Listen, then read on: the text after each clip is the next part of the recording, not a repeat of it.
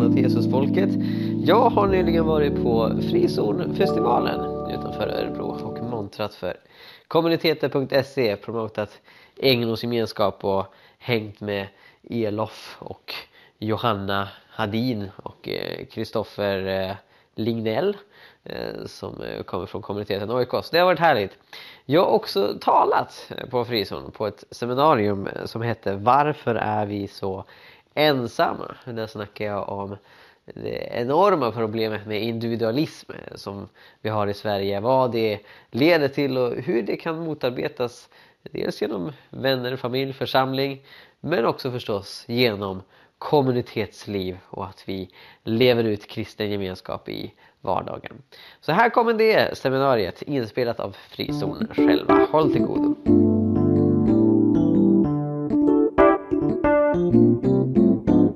Välkomna till Lyssna med Mikael Grenholm.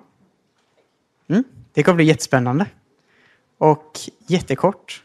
Ensamhet är någonting som jag tror de flesta vet vad det är för någonting eller kan till, kanske till och med relatera till. Men hur det uppstår och vad kan vi göra åt det? Kanske. Det ska vi bena lite i. Va? Mm. Jättekul. Tack. En applåd för Sebastian. Bra, bra introducerat. Så mitt namn är Mikael. Jag kommer från eh, Sveriges Rom, Uppsala i öst. Eh, jag har läst teologi där. Eh, jag kommer börja jobba på EFK nu till terminen. Och jag driver en blogg som heter Hela Pingsten. Är det någon som har varit där? Så, det är några, det är några. Och jag har en podd som heter Jesusfolket. Är det någon som lyssnar på den? Ja men vad trevligt, kul. Ja, då är det några som, som känner till mig lite grann och har hört min vackra röst förut. Um, vi ska prata om ensamhet och jag skulle vilja att det här är eh, en interaktiv eh, grej. Ja. Så det, alltså, det vore väldigt ironiskt om jag bara stod här ensam och snackade om ensamhet. Um, så jag har planerat um, att liksom kasta ut frågor till er då och då. Och ni är helt fria att fråga mig saker. Eh, så det är bara att räcka upp handen om det är något ni inte förstår eller något som ni vill lägga till eller ställa en fråga om. Ehm, och sen så kommer vi också ta en stund på slutet för frågestund och så har jag planerat en aktivitet mitt i alltihopa som blir väldigt spännande och pinsam för er. Ehm, men vi, börjar med att egentligen ehm, tackla den här frågan som Sebastian nämnde. Nu ska vi se om den här funkar. Nej, det funkar inte. Funkar inte alls. Hallå? Hjälp! Ja, och eh, där var det slut. Tack för att ni kom. Va? Ja, ja det där. Ja, hur, hur gjorde du? Du tryckte med musen? Nu funkar det. Ja, nu funkar Ja, kul. Eh, så, bara en så här snabb fråga ut till de församlade. Vad är ensamhet för någonting? Är det någon som vill erbjuda någon slags definition eller tanke kring det? Att känna att man inte kan dela saker med någon alls. Mm. Att känna att man inte kan dela saker med någon alls. Bra definition. Någon mer tanke? Att inte kunna vända sig till någon, men det är lite samma spår. Ja, precis. Är ensamhet något som syns utåt? Ibland, men inte alltid. Och är det positivt eller negativt för er?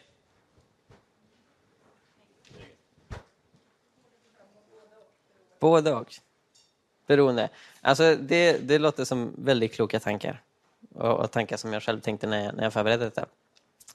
Um, jag skulle vilja lyfta den ensamhetskris som jag tycker vi har i Sverige. Och jag kommer tala om hur ensamhet har blivit ett rätt så stort problem i vårt land. Är det någon som har sett filmen The Swedish Theory of Love? Några stycken. Den handlar om det.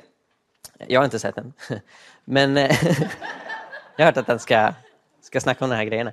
Ehm, men det som är bra att ha i åtanke är just det som, som eh, flera av er sa, att ensamhet kan vara något väldigt positivt och något välbehövligt. Ehm, jag har levt de senaste åren i, i kristna kollektiv och kommuniteter. Jag har egentligen aldrig eh, bott ensam. Eh, utan efter att jag flyttade hemifrån så har jag bott tillsammans med andra kristna. Eh, och det är något jag älskar och jag vill leva på det sättet resten av mitt liv. Ehm, men samtidigt har jag märkt då att jag, som faktiskt är en rätt introvert person, behöver liksom dra mig tillbaka på mitt rum ibland. Så ensamhet är på ett sätt något vi inte kommer ifrån. Jesus själv gick och var ensam flera gånger. Och samtidigt så har vi en så stor grad av en ensamhetskultur i Sverige att det skapar en hel del problem. Ehm, så om vi börjar med att snacka statistik ehm, så finns det en figur, jag vet inte om någon har sett den här tidigare, ehm, från World Value Survey som mäter egentligen värderingar i olika länder. Eh, och vi behöver inte kolla på den här i detalj, men det intressanta är att Sverige ligger uppe till höger. Vi är liksom i hörnet av ett urval av kanske 70 länder. Och Vad det innebär är att om man är långt upp eh, på den här skalan så är man ett väldigt sekulärt land. Eh, och om man är långt till höger så är man ett väldigt individualistiskt land. Så Sverige toppar den ligan i, i båda kategorierna egentligen. Att vi är eh, väldigt sekulära. Religionen har fått sätta sig i baksätet i Sverige i många fall. Och det är säkert flera av er som har märkt av. Eh, ateismen har, har blivit lite av en självklarhet i både kultur och skola och så vidare. Och Samtidigt så har vi också en väldigt stor individualism och det här uttrycker sig i bland annat att vi har högst andel ensamhushåll eh, i hela världen i Sverige. Eh, så 40 procent av alla hushåll som finns i Sverige är ensamhushåll. Och det finns inget annat land där det är så många eh, hushåll som är ensamhushåll. Eh, och det stod om det tror jag i, i beskrivningen av Ehm, det här eventet och delas ut på Instagram. Då var det någon som kommenterade det där mycket riktigt att ensamhushåll är inte samma sak som ensamhet. Bara för att man bor själv så betyder det inte att man är ensam. Och det är sant, men samtidigt säger det något om vår kultur. Ehm, och vi kan se att ensamhet på längre sikt, i synnerhet när den blir ofrivillig, vilket den tenderar att bli, inte minst i slutet av livet, så får den en hel rad negativa konsekvenser. Bland annat så har forskare i bland annat Finland och även här i Sverige eh, pekat på att ensamhet gör det lättare att drabbas av depression. Eh, och här har jag citerat lite eh, akademiska studier om detta. Va? Att ensamhet kan leda till ångest, depression, social fobi och andra mentala problem.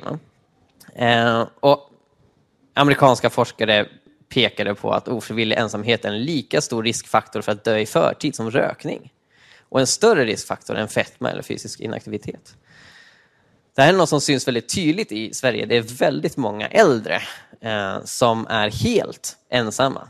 Det har rapporterats i nyheterna om eh, människor som dör i sin lägenhet och det upptäcks inte att de är döda förrän några veckor senare när kroppen börjar lukta. Eh, för att det finns ingen som, som besöker dem. Eh, det är något som inte finns alls lika mycket i andra kulturer. I synnerhet om man sticker till Afrika eller Mellanöstern så finns det en väldigt stark kollektivistisk kultur. Där man är tillsammans livet ut och där man alltid liksom har en hel del relationer. Eh, och Sverige är egentligen väldigt extremt när det gäller just eh, vår längtan efter ensamhet som sen också i väldigt många fall leder till en ofrivillig ensamhet. Vi skulle vilja ha nära vänskapsband, vi skulle vilja ha um, hållbara relationer, men um, det är svårt när, när liksom man inte har levt på det sättet sedan långt tillbaka. Hade du någon fråga eller kommentar? Nej? Bra. Um, det forskare också har sett är att ensamhet faktiskt leder till eh, så att säga, fysisk sjukdom. Så man kan se att människor som är ofrivilligt ensamma lättare blir sjuka. Eh, och Det var det som de amerikanska forskarna pekade på bland annat när de konstaterade att en större riskfaktor än, än fetma för att dö i förtid. Ehm, så på lång sikt så, så leder ensamhet till att man lättare får infektioner, hjärt och kärlsjukdomar och massa sånt bajs. Ehm, och det, det pekar ju också på att det här är ett problem som vi behöver prata om och tackla. Och därtill så kan man också se att individualism, den här kulturen eh, som sätter en stolthet i att klara sig själv och att vara ensam, eh, faktiskt leder till mer egoism. Ja, faktiskt, det är egentligen inte jättesvårt att tänka sig. Men att man helt enkelt inte har lika mycket empati, inte lika mycket medlidande eh, med andra människor. Och det är något som forskare också har sett går neråt i västvärlden, graden av empati. Barack Obama, när han valdes för nio år sedan, sa redan då att USA har en empatikris. Eh, och, och, det har blivit värre. Det kanske hans efterföljare signalerar. Att, att man inte bryr sig lika mycket om andra människor. Och det är också, kan man se, liksom en konsekvens av eh, individualism. En studie på Karlstads universitet som pekar på det. Att man betonar sig själv och jag och mitt och jag ska klara av det här och jag är liksom oberoende av andra människor och min vilja ska styra mitt liv och så vidare. Det kan leda till att man inte bryr sig om andra människor lika mycket. Det finns också flera studier som har pekat på att sociala medier skapar narcissism. Det betyder att man ja, blir lite kär i sig själv. och liksom att, att man eh, ska ha en liksom, eh, snygg, fräsch yta som man visar upp för omvärlden, lite oavsett hur man mår. Eh, och det, det är något som egentligen plågar vår kultur och vår generation. Det betyder inte att allt användande av sociala medier är dåligt, men det är väldigt lätt att det leder till egentligen någon form av egoism. Eh, och det, det är något som vi behöver prata om. Men då är frågan, som eh, titeln på det här lyssnandet säger, varför är det så här? Varför har Sverige blivit ett så individualistiskt land? Eh, varför är vi så ensamma? Jag skulle vilja att ni pratar med den som sitter bredvid er. Par ihop er två och två eller tre och tre. Och eh, snackar några minuter om varför ni tror att det har blivit så här i Sverige. Okidoki. Ni är nyfiken? Um, vad har ni kommit fram till? Vad har ni sagt? Skrik ut bara. Vad sa du? Ekonomiskt oberoende. Mm? Egocentrisk. Och frihetsideal, precis. Väldigt intressant poäng. Hörde ni alla? Nej. Um, hur vi uppfostrar våra barn. I Sverige så är det ofta så här äh, inställningen att klarar du inte av det här nu så liksom fortsätt kämpa tills du klarar av det. Snarare än att alla hjälps åt. I flera afrikanska kulturer så pratar man hur en by uppfostrar ett barn. Eh, alltså att det inte är något som enbart liksom, eh, sker eh, från föräldrarna och att det inte är något som handlar om att man ska bli oberoende. Men jag tror det, det är mycket som du säger att i Sverige så tänker man att man, man blir vuxen när man klarar sig själv. Så uppfostran går ut på att liksom barnen ska klara allt möjligt själv. Bra tanke. Något mer? Eh, välfärdsstaten. Exakt, så staten tar hand om farmor och farfar eh, och eh, så slipper vi. Eh, så välfärdsstaten skapar den här eh, ensamheten. Mm. Ja, men exakt. Så att det, det välfärdssamhället strävar efter att alla ska kunna, om de vill, liksom, skaffa sitt eget boende och liksom, ha sitt eget liv. Eh, och då blir det som att det blir en norm egentligen. Att det, liksom, det är så man ska leva, att den här äh, möjligheten blir det som liksom, de flesta följer. Och då så blir vi väldigt oberoende av varandra och man klarar sig bara med statens hjälp och liksom behöver inte andra människor på samma sätt. Mycket bra tanke. Um, är det någon som pratade om sekularisering? Ja, vad sa ni om det? Precis, så att genom en församling så kan man lätt komma i kontakt med människor utanför familjen. Men när man inte har det så blir det mycket svårare. Det tror jag är otroligt sant. Eh, jag tror inte att det är en slump att Sverige toppade både individualism och sekularisering. Någon mer tanke? Ja, men exakt, exakt. De kan ju påverka varandra. Men det, det, var en väldigt bra tanke att när Gud inte är viktigast i våra liv så blir det lätt så att jag är den viktigaste i mitt liv. Och på samma sätt att även den jag-centreringen kan göra att Gud blir mindre viktigare. så att det blir som en ond spiral. Vad kloka ni är! Ni borde stå här uppe och snacka. Har vi någon mer tanke?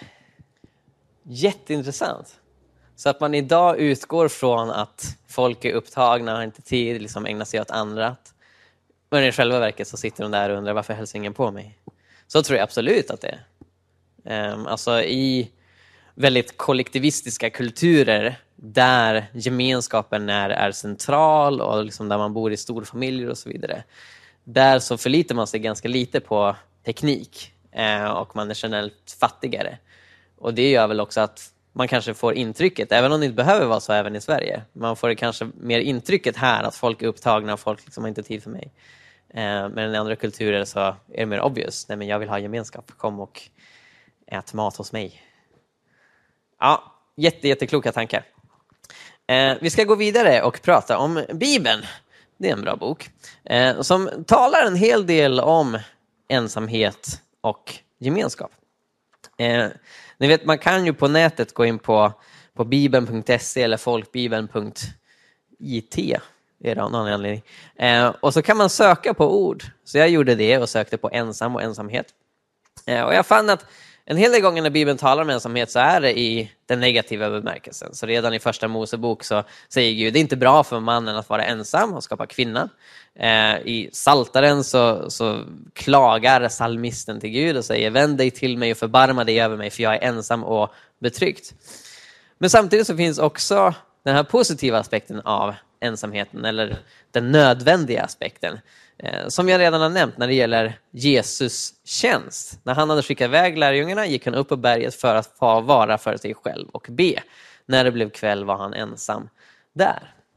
Så Jesus som träffade väldigt mycket folk och byggde en gemenskap, byggde en församling med människor som ville eh, vara en ambassad för Guds rike eh, på jorden, såg ett behov av att vara ensam då och då. Inte hela tiden, men då och då så drog han sig undan för att be.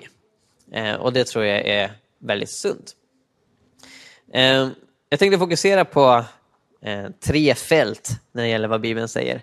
Storfamiljer, gemenskap och ekonomi. Och med storfamiljer så, så menar jag det här som jag också har nämnt att eh, generellt så är det större familjer när vi tittar bakåt i historien och det inkluderar Bibelns tid och även när vi tittar på andra kulturer. Så vi är van vid mamma, pappa, barn.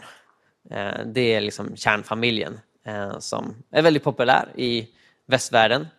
Eh, och det är en rätt så ny konstruktion som uppstod egentligen efter andra världskriget i mångt och mycket. Tidigare så har det varit mycket mer vanligt med äldre, som sagt, men även andra människor, kusiner och tjänare och tjänarinnor och sånt där. Eh, och det är kanske inte så bra. Eh, men det var i vart fall större familjer. Och släkten höll ihop mer och eh, det fanns också en mer utbredd trend av att ta sig an människor som man inte var biologiskt släkt med. Ehm, så i Gamla Testamentet så ser vi hur bibelförfattarna bara utgår från eh, att människor har en hel del i eh, sin familj. Va? Så husfolk talas det om i Andra Mosebok eh, 16 och utifrån kontexten förstår man att det behöver inte bara vara liksom, en mamma, pappa och barn utan att det kan inkludera fler. Eh, Abrahams husfolk inkluderade över 70 personer. Eh, I Josua så står det om Sabdis familj. Eh, och där så förstår man utifrån kronologin egentligen eh, att det är en man som, som heter Akan som pekas ut i den här familjen och Sabdi är hans farfar. Eh, och den här Akan, han var inte ett barn, utan han hade förmodligen barn själv. Så Sabdi var liksom farfars far egentligen eh, i den här familjen. Men det, det, är det som kallas för familj. Eh, det är inte så att eh, familjen slutar vid mamman eller pappan. Utan i det bibliska tänkesättet så var det betydligt större. Men oberoende av familjen så betonas också gemenskap, inte minst i Nya Testamentet, i församlingen. Eh, så att oavsett om man är släkt eller inte så ska man ha en innerlig gemenskap tillsammans med sina andliga systrar och bröder. vi ser eh, när Jesus sänder ut sina lärjungar att han inte sänder ut dem ensamma utan två och två. Det är en väldigt god missions och evangelisationsprincip för att man inte ska vara själv. Ehm, Paulus talar i Romarbrevet 12 om att vi ska vara innerligt tillgivna varandra i syskonkärlek och vi ska överträffa varandra i ömsesidig aktning. Det låter ju väldigt högtravande, ömsesidig aktning. Men det han säger här är egentligen tävla i att vara schyssta mot varandra. Tävla i att visa kärlek, alltså överträffa varandra. Se till att ni försöker vara bättre än varandra, inte på settlers eller fotboll nödvändigtvis, eh, utan på att visa kärlek. Och Det tycker jag är ett fantastiskt ideal. Att vi liksom ser på ehm, kärlek och, och vänskap som något som liksom vi hela tiden kan bli bättre och bättre på. Och som vi ser till att liksom skämma bort varandra med. Och sen så talar Johannes om att om vi vandrar i ljuset, liksom Gud är i ljuset, då har vi gemenskap med varandra och Jesu, hans sons blod, renar oss från all synd. Det vill säga, gemenskap är inte en, en frivillig bonus eh, till det kristna livet. Eh, och det är en anledning till att det, det, är så viktigt att vara med i en församling. Jag har stött på en hel del kristna som säger nej men jag vill inte vara med i en församling, jag vill sitta eh, själv i, i mitt vardagsrum och kolla på God TV och liksom slippa liksom, relationerna och slippa möta människor för liksom, de, de kan såra en och så vidare. Jag vill vara själv och jag vill klara mig själv och liksom tillbe Gud på, på mitt egna sätt. Men enligt Johannes så, så vandrar vi inte i ljuset då. Alltså, enligt Johannes så har vi gemenskap med varandra och gemenskapen ska vara det naturliga utflödet av att vandra med Gud. Och det kan vara smärtsamt. Det kommer vara det. Eh, det är det relationer innebär. Gud vill ha en relation med oss och han gråter, ser vi i Johannes evangeliet. Han lider på grund av det han ser att vi ställer till mot varandra, mot honom. Men han vill gemenskap. Och det, det är något väldigt vackert och det, det är något som vi definitivt bör sträva efter. Även när det är svårt, även när vi är trötta på andra människor och inte vill ha något med någon att göra, så är det ett faktum att vi redan är beroende av andra. Bara för att få mat på tallriken, jag menar hur många här är bönder? Nej, men exakt, exakt. Så vi, vi, vi kommer inte ifrån att liksom, vi behöver relationer, vi behöver gemenskap, vi behöver varandra. Och det är det som Bibeln starkt uppmanar oss till. Och det finns en ekonomisk aspekt av detta också. Bibeln talar otroligt mycket om pengar och rikedom och fattigdom. Eh, den första församlingen i Jerusalem hade egendomsgemenskap. De hade en stark kärleksgemenskap. Eh, de var ett hjärta och en själ, står det. Och det ledde också till att de hade alla resurser gemensamt. Så att ingen led någon nöd. Ingen var fattig. Ingen gick hungrig. Och ingen var heller rik. Det var ju liksom en naturlig konsekvens av att man hade allt gemensamt.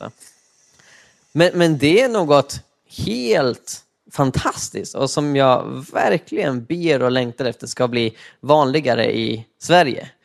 Jag har startat en organisation som heter Stefanushjälpen som hjälper eh, fattiga EU-migranter, de som sitter utanför IK Systembolaget och tigger.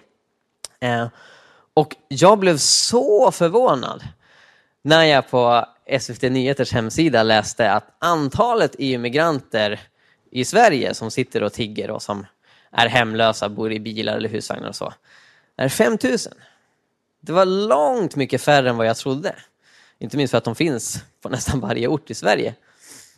Men det säger också någonting rätt så skrämmande, att, att det hade varit så enkelt att fixa bostad åt de här människorna.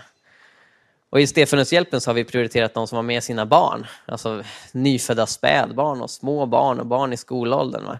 Och vi tycker att inget barn ska behöva vara hemlös, så vi liksom investerar i husvagnar, investerar i liksom fixa eh, enkla boenden som vi har råd med eh, till de här människorna. Eh, men 5 000? Det finns 200 000 kristna i frikyrkan. Vad har hänt med gästfriheten? Vad har hänt med gemenskapen? De flesta av de här emigranterna är kristna. Paulus säger i Romarbrevet 15, vi som är starka är skyldiga att bära de svaga svagheter och inte tjäna oss själva. Och det är inte begränsat till ekonomi, alltså det, det gäller allt. Om man har mer ork än någon som inte har ork så ska man hjälpa den personen. Och om man är stark på något annat sätt och har mycket kunskap eller whatever. Eh, men det finns förstås också en, en ekonomisk aspekt av det här. Alltså, om vi har mycket pengar, vilket svenskar generellt har, eh, så har vi faktiskt en skyldighet enligt Paulus att hjälpa de som inte har så mycket pengar. Eh, and that makes sense. Johannes är inne på samma tanke i sitt första brev. Om någon har jordiska ägodelar och ser sin broder lida nöd men stänger sitt hjärta för honom, hur kan då Guds kärlek förbli honom? Det vill säga Guds kärlek driver oss att dela med oss till de som lider nöd. En självklarhet på pappret. I praktiken är det sällan så. Och jag utmanas alltid av, av det Paulus säger i Andra Korinthierbrevet. Han försöker verkligen stoppa korinserna att utarma sig själva. För han bara räknar med att när de hör att deras syskon i Jerusalem är fattiga så kommer de själva svälta sig själva för att ge så mycket pengar. Han säger nej, nej, nej, ni måste förstå att syftet med att ge till de fattiga är att det ska bli lika för alla. Och syftet är inte att ni ska ruinera er själva. Jag har aldrig stött på det problemet. När jag har samlat in pengar till människor som lider nöd så behöver jag aldrig säga nej men begränsa er så att ni inte liksom svälter er själva, för det gör vi inte. Utan snarare problemet tvärtom. Att vi är ganska lite och sen så spenderar vi ganska mycket på oss själva. Det tror jag är eh, återigen en konsekvens av individualism som även finns i kyrkan. Att man kanske inte sätter andras behov på samma nivå som, som ens egna. Och att man har lite dubbla måttstockar. Vad jag behöver versus vad en etiopier behöver. Och det är något som behöver förändras. Jag tror att orsaken till att människor är fattiga är att de inte har någon släkt eller vänner som är rika eller så har de det som, som struntar i dem. Men om vi verkligen hade gemenskap, om vi verkligen behandlade alla kristna som våra syskon och verkligen såg till deras behov, vad skulle vi inte ha en sån här värld. Vi är två miljarder globalt. Vi kan förändra väldigt mycket. Och vi behöver mer gemenskap. Håller ni med mig? Håller ni med mig? Håller ni med mig? Tack! Okej, okay. då eh, ska vi kyssa varandra. Då, jag, jag vet att ni kanske så får panik inombords. Men det är ju faktiskt en biblisk uppmaning att vi ska kyssa varandra. Eh, och innan ni springer ut genom dörren i, i panik eh, så, så vill jag lyfta detta. För återigen så pekar det på vilken stor kulturell kontrast det är eh, mellan vår tid och, och Bibelns tid. I ortodoxa kyrkan eh, fortsätter man göra detta på ett litet annat sätt. Alltså på 400-talet så liksom kysste de varandra på pannan eller någonting och så sa folk att de var galna. Så Sebastian, vill du, vill du dela en ortodox kyss med mig? Ja. Kul! Ni vet, eh, kramar friläser massa positiva, vad heter de, kemikalier i hjärnan och sånt där. Och eh, botar sjukdomar.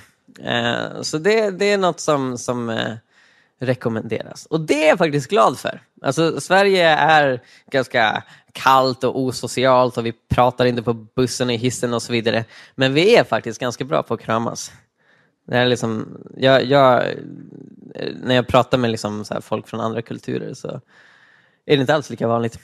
Eh, så det är nice eh, och, och, det är något som vi alla mår bra av, eh, som vi kan öva på.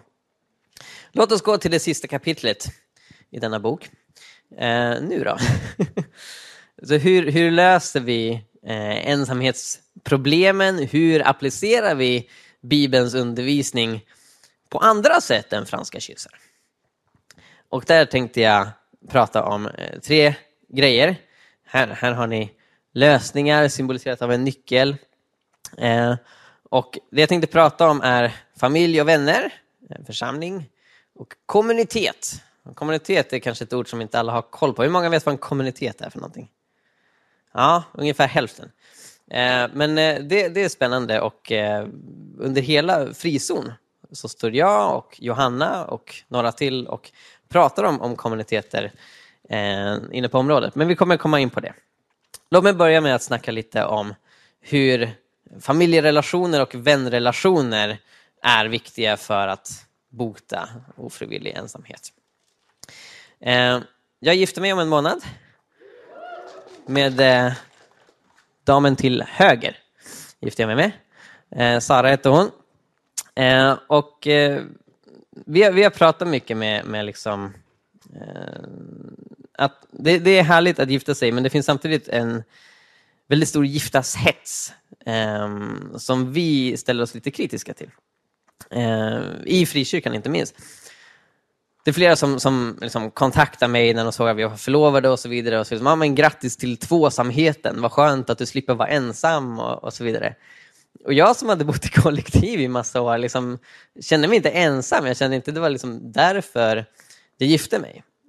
För många så liksom presenteras eh, äktenskap som eh, liksom det perfekta botemedlet mot ensamhet. Eh, och det är ju ett botemedel, men jag tror inte det är det enda. Jag tror inte alla är kallade att gifta sig. Eh, Bibeln talar om att välja singelskap eh, för Jesus. Eh, och därför så, så, skulle jag vilja lyfta eh, familjerelationer och vänskapsrelationer som på ett bättre sätt kan gälla alla. Eh, och också för att vi inte ska liksom haka upp, så att säga, eh, hela vår befrielse från ett ensamt liv på en person. För den personen kanske dör en dag, eller det händer något tråkigt. Ne? Så det bibliska budet om att hedra sin far och mor eh, innehåller väldigt mycket vishet. Vissa av oss kanske inte har perfekta eh, familjerelationer. Jag själv har inte det. Eh, men jag strävar ständigt efter att vara kärleksfull, hålla kontakten, sträva efter försoning och gemenskap. Eh, och det, det finns något ja, väldigt vackert i det. Syskon är också väldigt, väldigt bra att hålla kontakten med eh, genom livet och eh, värdera eh, de relationerna och, och, och, vårda dem. Se till att liksom eh, stödja varandra, finnas till för varandra eh, och, och hjälpas åt. Och sen när det gäller vänner, så även där, eh, håll hårt på era vänner. Ehm, det blir lätt i de år som jag ser att många av er är i nu, att när man kanske flyttar eller byter skolor och så vidare, att det blir svårare att, att liksom, eh, hålla kontakten med, med sina vänner.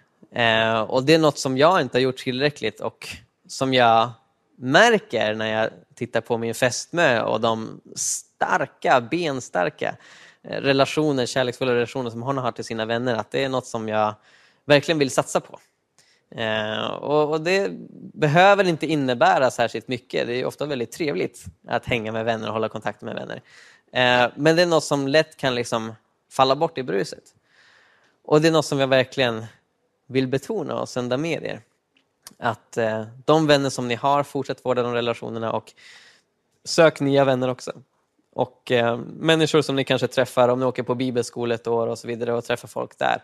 Håll kontakten även när ni inte är på samma plats längre. Det är otroligt betydelsefullt, eh, inte minst på, på längre sikt. Sen när det gäller församlingen eh, så tycker jag att liksom det ultimata för att få en, en församling som, som dryper av gemenskap eh, är egentligen en kommunitetsförsamling. Och som sagt kommer vi komma in på det. Men om man inte har det, eller inte strävar efter det, eh, så finns det saker som man kan göra i församlingen för att ha ännu större gemenskap utöver liksom de samlingar man hänger på. Och där är ju det viktigaste egentligen att hänga utanför kyrkotimmarna. Eh, så att man liksom, även där vårdar sina vänskapsrelationer, att det inte bara blir människor som man träffar på specifika tider. Eh, och det kräver inte alls mycket och det är otroligt trevligt. Eh, och, och det, det, är liksom, äta behöver vi alla. Så att liksom träffas, eh, även på andra tider och liksom ta kontakt och liksom vårda relationerna tror jag är jättevärdefullt och, och kommer ge så mycket tillbaka och kommer stärka eh, gemenskapen otroligt mycket. Återigen det här att på riktigt behandla varandra som syskon, att broder och syster inte bara blir en titel utan något som vi verkligen menar. Min församling är en husförsamling eh, i Uppsala som heter Mosaik. Och där så har vi de senaste åren eh, fått in några människor från Iran och Afghanistan. Och att se dem uppleva liksom en församlingsgemenskap för första gången, bry sig om liksom deras behov, träffas och äta middag och liksom lära känna varandra och lära sig varandras språk. Det är helt fantastiskt. Och otroligt betydelsefullt för dem. Och för oss så blir det också tydligt vilka behov de har, liksom vad, vad de behöver för att klara månaden och så vidare. När den gemenskapen finns på plats så är det inte på något sätt svårt egentligen att följa de här radikala buden som vi läste om att inte stänga sitt hjärta för den som lider nöd, om att bära de svagas bördor om man själv är stark. Och sen när det gäller kommuniteter så vill jag peppa för det och peppa er att peppa andra i er församling att peppa för kommuniteter. Eh, kommunitet är ungefär som, man kan säga att det, det är mellan kollektiv och kloster. Eh, så väldigt ofta så handlar kommunitet om att man bor ihop eller i vart fall bor nära varandra. Det centrala är att man delar eh, en vardagsgemenskap med andra troende. Eh, och det kan se ut på en rad olika sätt. Vi har en hemsida som heter kommuniteter.se och där samlar vi olika former av gemenskaper. Eh, vi samlar eh, kommuniteter, kollektiv, kloster, husförsamlingar och andra alternativa kristna gemenskaper. Världens längsta slogan.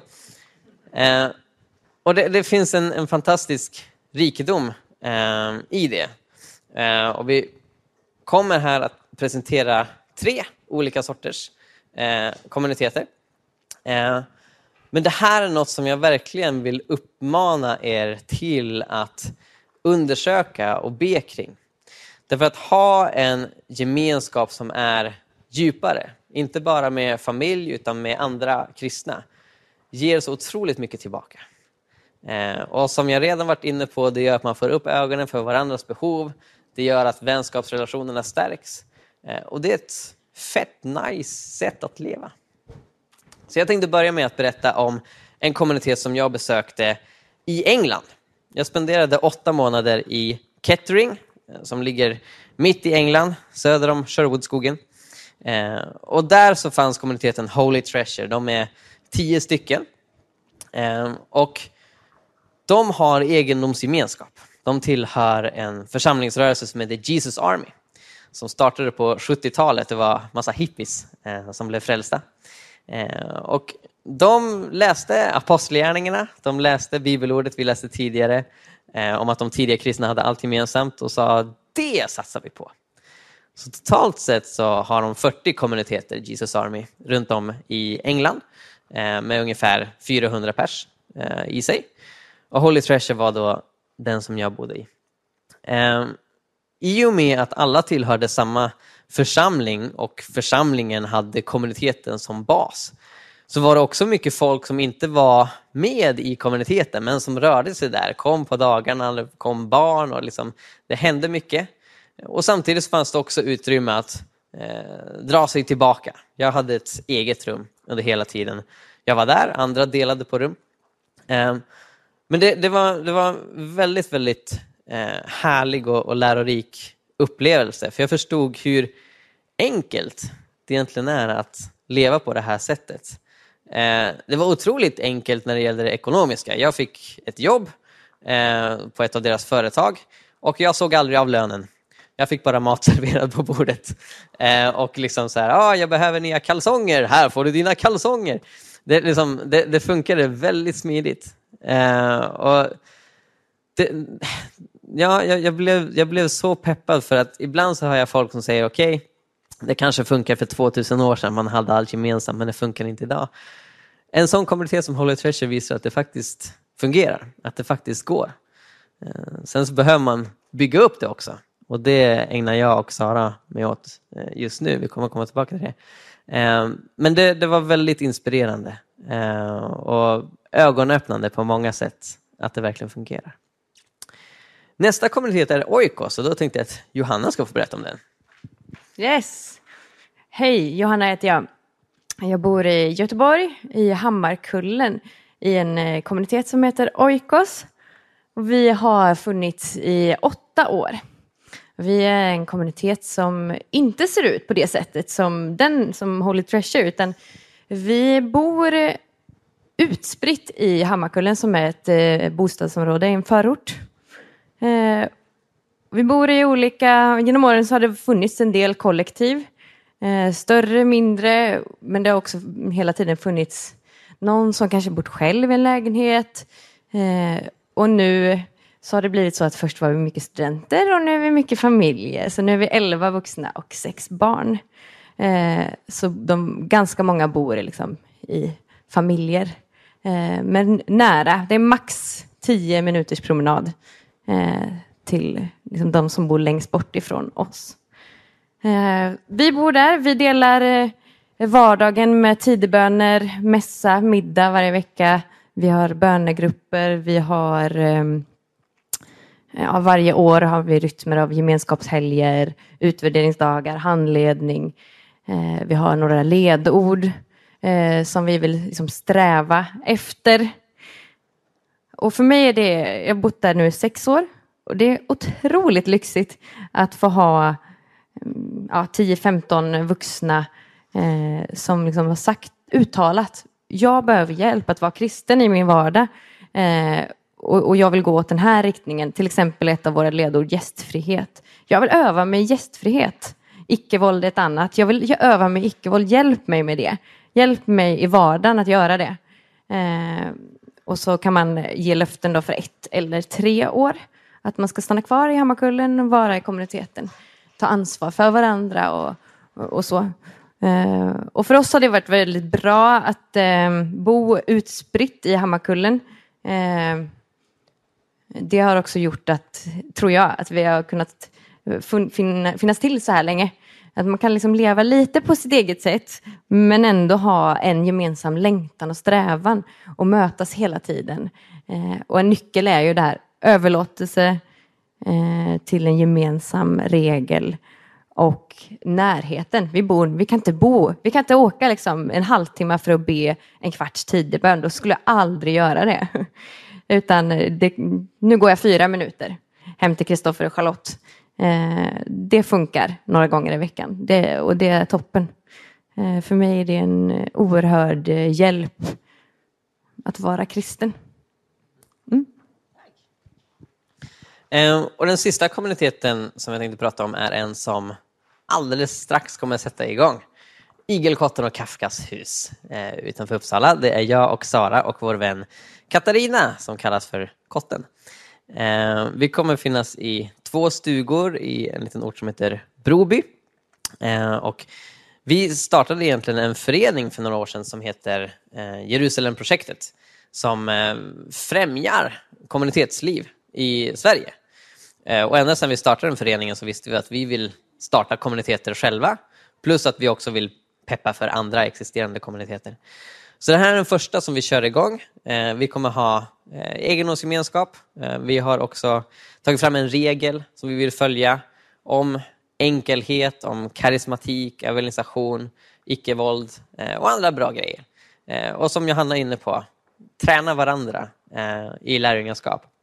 Och vi hoppas på att bli fler förstås. Eh, det är ett till par som sagt att de vill joina nästa år och så vidare. Eh, så som Johanna betonat, det går att ha kommunitet på många olika sätt. Jag tycker att det här är det egentligen enklaste sättet att leva i gemenskap och också det enklaste sättet att utrota fattigdom eh, inom församlingen. För att det blir så väldigt konkret. Man lever tillsammans, man river ner murarna mellan varandra och man ser varandra på ett tydligare sätt. Eh, och vi har en monter här på frizon. Det är ett rostigt skjul. Eh, för vi vill liksom signalera hur hemtrevligt och mysigt det är att leva i kommunitet. Eh, eh ja, nej, men det, det, är faktiskt, det föreställer rostigt skjul. Ehm, men där så finns det material, ehm, det finns en eh, ny fräsch utbildning eh, på Hjälmareds folkhögskola eh, som heter Pilgrim och kommunitetsåret som kommer sätta igång 2018 där man lär sig mer om kommunitetsliv och får leva ut det i praktiken och studera det. Så det och annan info om vad kommuniteter är Eh, och hur man lever ut det finns där. Men om det är någon som redan nu har en fråga eh, om vad kommunitetsliv är eh, så kan ni ställa den till mig och Johanna här och nu. Ja, ja, mycket bra fråga. Det är inget formulär utan det sker väldigt relationellt. Så det är människor som kontaktat mig som liksom sagt att ah, jag har sett det du har skrivit om kommunitetsliv, det är något jag själv vill leva. Och sen är det ju olika eh, var man befinner sig eller var man vill vara. Eh, men oftast så, så ja, är det bara att man spontant tar kontakt med varandra och sen ser man liksom om vi har en liknande vision, om det kan funka praktiskt. Så satsar vi på det. Och på kommuniteter.se eh, så finns det en lista på olika kommuniteter och kristna gemenskaper i Sverige som vi försöker hålla uppdaterad. Där man liksom kan se vart det finns på olika håll i landet och liksom om det är något som intresserar en. Så det kan ni kolla in. Har vi någon mer fråga eller kommentar? Ja, jag tror att på grund av att vi har en sån individualistisk kultur eh, så när, inte minst när kristna läser Bibeln upptänker att, att Jesus tänker sina annat, så tror jag det skapas en hel del hunger. Jag brukar säga det att i vart fall för eh, ja, sju, åtta år sedan så var Shane Claiborns bok Den omotståndliga revolutionen förmodligen den bok som flest kristna ungdomar hade läst efter Bibeln. Eh, och jag vet inte hur det är med den nu, men han lever i kommunitet i Philadelphia och peppar väldigt mycket för det. Eh, så det jag har sett, inte minst här på frizon faktiskt, inte minst i den yngre generationen, är att det finns en stor hunger. Eh, sen så är ett problem att det saknas vinsäckar för att behålla det vinet. Eh, jag har sett flera som liksom i sina yngre dagar har varit väldigt pepp och bara ja, jag vill leva radikalt, jag vill leva i kommunitetsliv och sen så de blir äldre på grund av att det inte fanns så mycket eller liksom för att det inte fanns där man ville vara, eh, så rinner det ut i sanden. Så jag tror att ju fler möjligheter Eh, till kommunitetsliv som det finns, och det är därför jag är så pepp på den här utbildningen, kommunitetsåret, eh, ju fler kommer nog prova på det. Eh, I Jesus Army så såg jag liksom mängder med ungdomar som liksom fattade beslut, ja, jag vill leva så här. Så, så liksom när strukturen fanns på plats så var det många, även i en individualistisk kultur som England också är, som var villiga att leva på det sättet. Så jag har hopp för framtiden. Alltså, ett kommunitetsliv kan ju som sagt se ut på många olika sätt. Men om man tar det som, som jag har erfarenhet från, från England eh, och som jag vill satsa på själv, som bland annat innefattar egendomsgemenskap, eh, så finns det ju en risk i att eh, det kan bli instängt. Och, och, det är därför som, som eh, vi dels betonar relationen med, med församlingen och med andra kommuniteter och att vi är utåtriktade. Eh, det jag såg i England var att det var många som eh, levde i kyrkan och jobbade i kyrkan och de gick till kyrkan och liksom aldrig kom i kontakt med andra.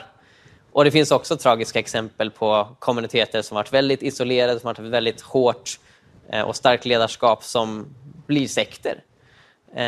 Jag tror inte risken är nödvändigtvis jättemycket större i en kommunitet än en församling när det gäller just att, att bli en sekt. Men det är som i ett äktenskap egentligen, en större risk att bli sårad.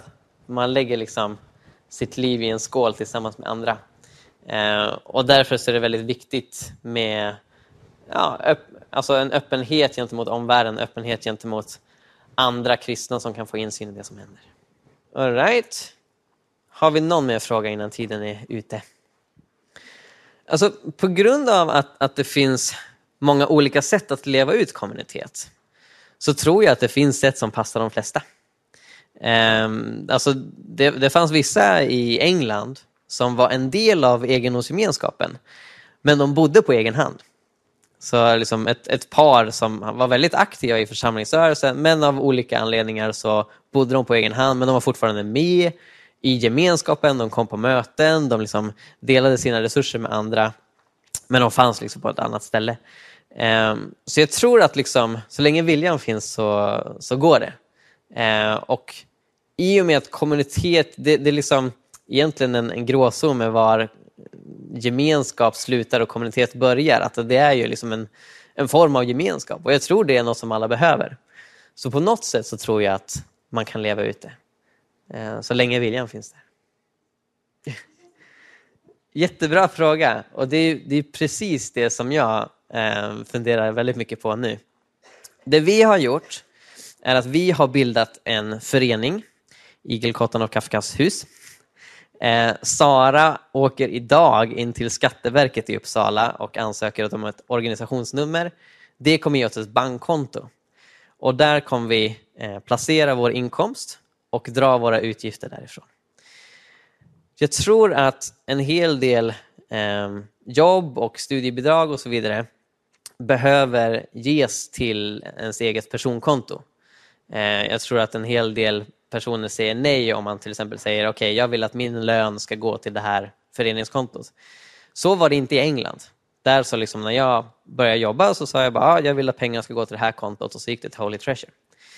Så i och med det så kommer det bli ett extra steg. Jag tror att flera av oss kommer ta emot en inkomst till vårt eget konto och sen sätta över till det gemensamma. Men på samma sätt så kan det bli någon slags månatlig överlåtelse, att man gång på gång liksom överlåter sig till, till det gemensamma. Eh, sen så tror jag att det inte kommer vara så mycket, eh, ja, mycket mer komplicerat än så. Att det, det är som ja, när vilka som helst delar ekonomi. Jag brukar säga det att de flesta familjer är ju egendomsgemenskaper. Eh, I vart fall har barnen egendomsgemenskap med sina föräldrar. Så på det sättet så är det inte så liksom någon slags eh, utomjordiskt eh, och superexotiskt, utan det, det går att genomföra. Men eh, det är den processen vi står i nu så jag kommer nu upptäcka eventuella problem som dyker upp. Så ni får följa min blogg. Så kan jag uppdatera er. Tiden är ute. Tack så otroligt mycket för att ni lyssnade. Och om ni har mer frågor eller tankar så kom till vår rostiga monter inne på området. Gud